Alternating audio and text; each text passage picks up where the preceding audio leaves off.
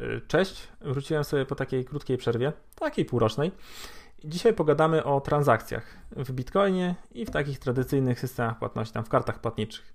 I dlaczego w Bitcoinie możemy ogarnąć 3 transakcje na sekundę, a takie tradycyjne systemy płatności chwalą się, że mogą zrobić nawet tam 1600 transakcji na sekundę.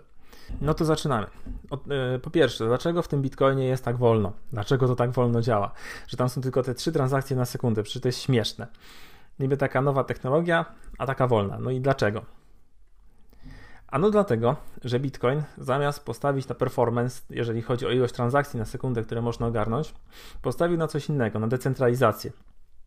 No i ta decentralizacja jest osiągana w ten sposób, że te transakcje, te bloki, one są rozpropagowywane po całej sieci Bitcoina. I żeby było śmieszniej, to te transakcje są tak wolne, nie dlatego, że te węzły nie umieją, nie umieją ze sobą gadać, ale dlatego, że te transakcje są sztucznie spowalniane przez Proof of Work, czy tam inny konsensus protokół, który jest aktualnie używany, żeby dało radę rozpropagować ten blok po całej sieci. Czyli tak, dobrze słyszysz, ten Bitcoin jest taki wolny, bo on jest spowalniany sztucznie przez e, sposób, w jaki są przygotowywane te bloki. Gdyby się tego, gdyby, gdyby to nie było robione, to mogłoby się okazać tak, że te bloki nie byłyby w stanie rozpropagować się po całej sieci i w Bitcoinie mogłyby żyć sobie naraz różne wersje tego samego łańcucha bloków, co byłoby słabe, dlatego że nie dałoby się wtedy yy, rozstrzygnąć, jakie transakcje należą do blockchaina, a jakie zostaną odrzucone. I dlatego to działa tak wolno. Dlatego, żeby zapewnić propagację tych bloków po całej sieci.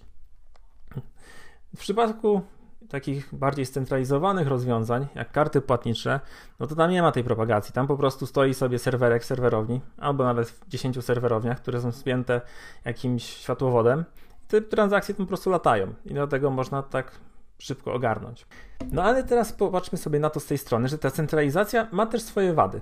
I taką wadę moglibyśmy sobie obserwować jakiś czas temu na przykładzie jednego z telekomów, gdzie spaliła się jedna serwerownia.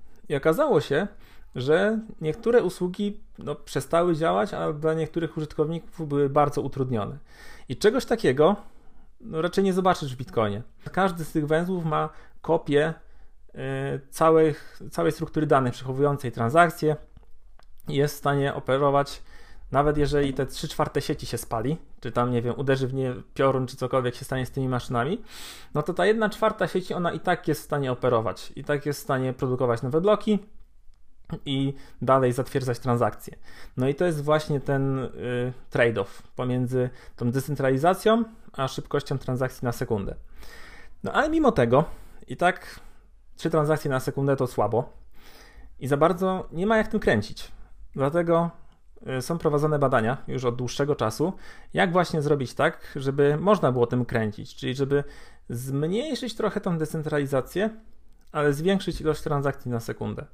I jednym z takich pomysłów, żeby to zrobić, jest sharding, czyli shard to jest taki, to są fragmenty z angielskiego, więc można by tą sieć, która teraz jest jedna w całości, sieć Bitcoina albo sieć Ethereum, albo innego blockchaina, pofragmentować żeby zrobić takie małe fragmenciki w tej sieci, które będą działać na tej samej zasadzie, na której teraz działa cała sieć.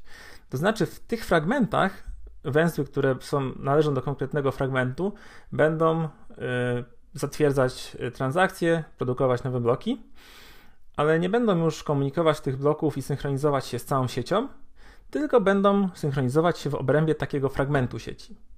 No, niby to fajny pomysł, ale teraz niesie to za sobą też no, te właśnie niekorzystne yy, właściwości, o których mówiłem przy scentralizowaniu. No bo jeżeli mamy taki mały fragment sieci, no i powiedzmy, że przez przypadek meteoryt przywali w takie miejsce, gdzie są wszystkie węzły z tego fragmentu, no to wszystkie dane wyparowały. No i to jest problem. Podobnie mamy problem, jak mamy transakcje, które są między takimi shardami. Jeżeli mamy dane z jednej transakcji w jednym fragmencie sieci i chcemy przesłać E, Bitcoina albo Ethereum do drugiego fragmentu sieci, to znaczy do konta, które jest obsługiwane przez jakiś inny fragment sieci, no wtedy mamy problem, że te fragmenty i tak muszą ze sobą zacząć gadać i trzeba to jakoś rozwiązać. I jeszcze jeden w sumie najważniejszy problem, który mamy, taki fragment sieci jest dużo łatwiej zaatakować przez atak 51%, bo jeżeli chcemy przejąć kontrolę, czy tam przeprowadzić ten atak 51% na całą sieć, to potrzebujemy tych zasobów mieć bardzo, bardzo dużo. Ale żeby zaatakować taki fragment sieci, no to już wystarczy 51% węzłów, które są w tym danym fragmencie. I to może być już dużo łatwiejsze do garnięcia. No i te problemy, o których wymieniłem, no to nie jest wszystko. To jest tylko część problemów, które niesie za sobą sharding. No ale to rozwiązanie, jakby główną obietnicą tego rozwiązania jest to, że będziemy mieli taki suwaczek, którym będziemy mogli sobie przesuwać. Czy chcemy bardziej decentralizację, czy chcemy bardziej ilość transakcji na sekundę. I może istnieje jakiś taki złoty środek, gdzie te fragmenty sieci będą na tyle duże, że będą odporne na ataki 51% i te wszystkie inne problemy, a jednocześnie w znaczący sposób zwiększą ilość transakcji przetwarzanych przez te blockchainy. Pożyjemy, zobaczymy. A jeżeli chodzi o aktualny stan wiedzy, czy tam stan badań, to znalazłem taki fajny dokument yy, pisujący OmniLedger, czyli to jest takie laboratoryjne rozwiązanie blockchain, gdzie udało się uzyskać no, całkiem sporą ilość tych transakcji na sekundę, 6000 chyba, z tego co pamiętam. Podlinkuję go w tych w notatkach do podcasta albo w opisie filmu na YouTubie. Zależy gdzie tego słuchasz albo oglądasz. A czy da się coś zrobić z tą ilością transakcji na sekundę w przypadku takich korporacyjnych rozwiązań blockchain, gdzie ta decentralizacja no nie musi być tak duża jak w przypadku sieci Ethereum, ale powiedzmy tak gdzieś, no nie wiem, z 1000 węzłów to nam styknie. No okazuje się, że można to zrobić i można to ogarnąć przez yy, Cordę, czyli te takie bardziej enterprise wdrożenie Ethereum. I udało się już to zrobić na przykład Microsoftowi we współpracy z JP Morganem. Na igrzyskach blockchain miałem okazję posłuchać takiej prezentacji kogoś z Microsoftu, y, gdzie opisywali właśnie rozwiązanie, które wdrożyli w JP Morganie, oparte o Cordzie, gdzie tam doszli do jakichś naprawdę chorych ilości tych transakcji na sekundę, dużo wyższych niż są w stanie zapewnić te standardowe y, metody płatności. Więc to da się też ogarnąć w przypadku enterprise'ów już z aktualną technologią. Nie trzeba niczego tam pisać od nowa, ani czekać na zakończenie badań. Na dzisiaj to tyle. Mam nadzieję, że e, to Ci się do czegoś przyda. Jeżeli chcesz poczytać więcej o tym, jak działają smart kontrakty, albo jak działa sam blockchain, tam dokładnie w, tam w szczegółach, w środku, to w notatkach i w opisie filmu znajdziesz też link, gdzie możesz ściągnąć taki fajny e-booczek krótki o tym. I tyle. Do zobaczenia. Cześć.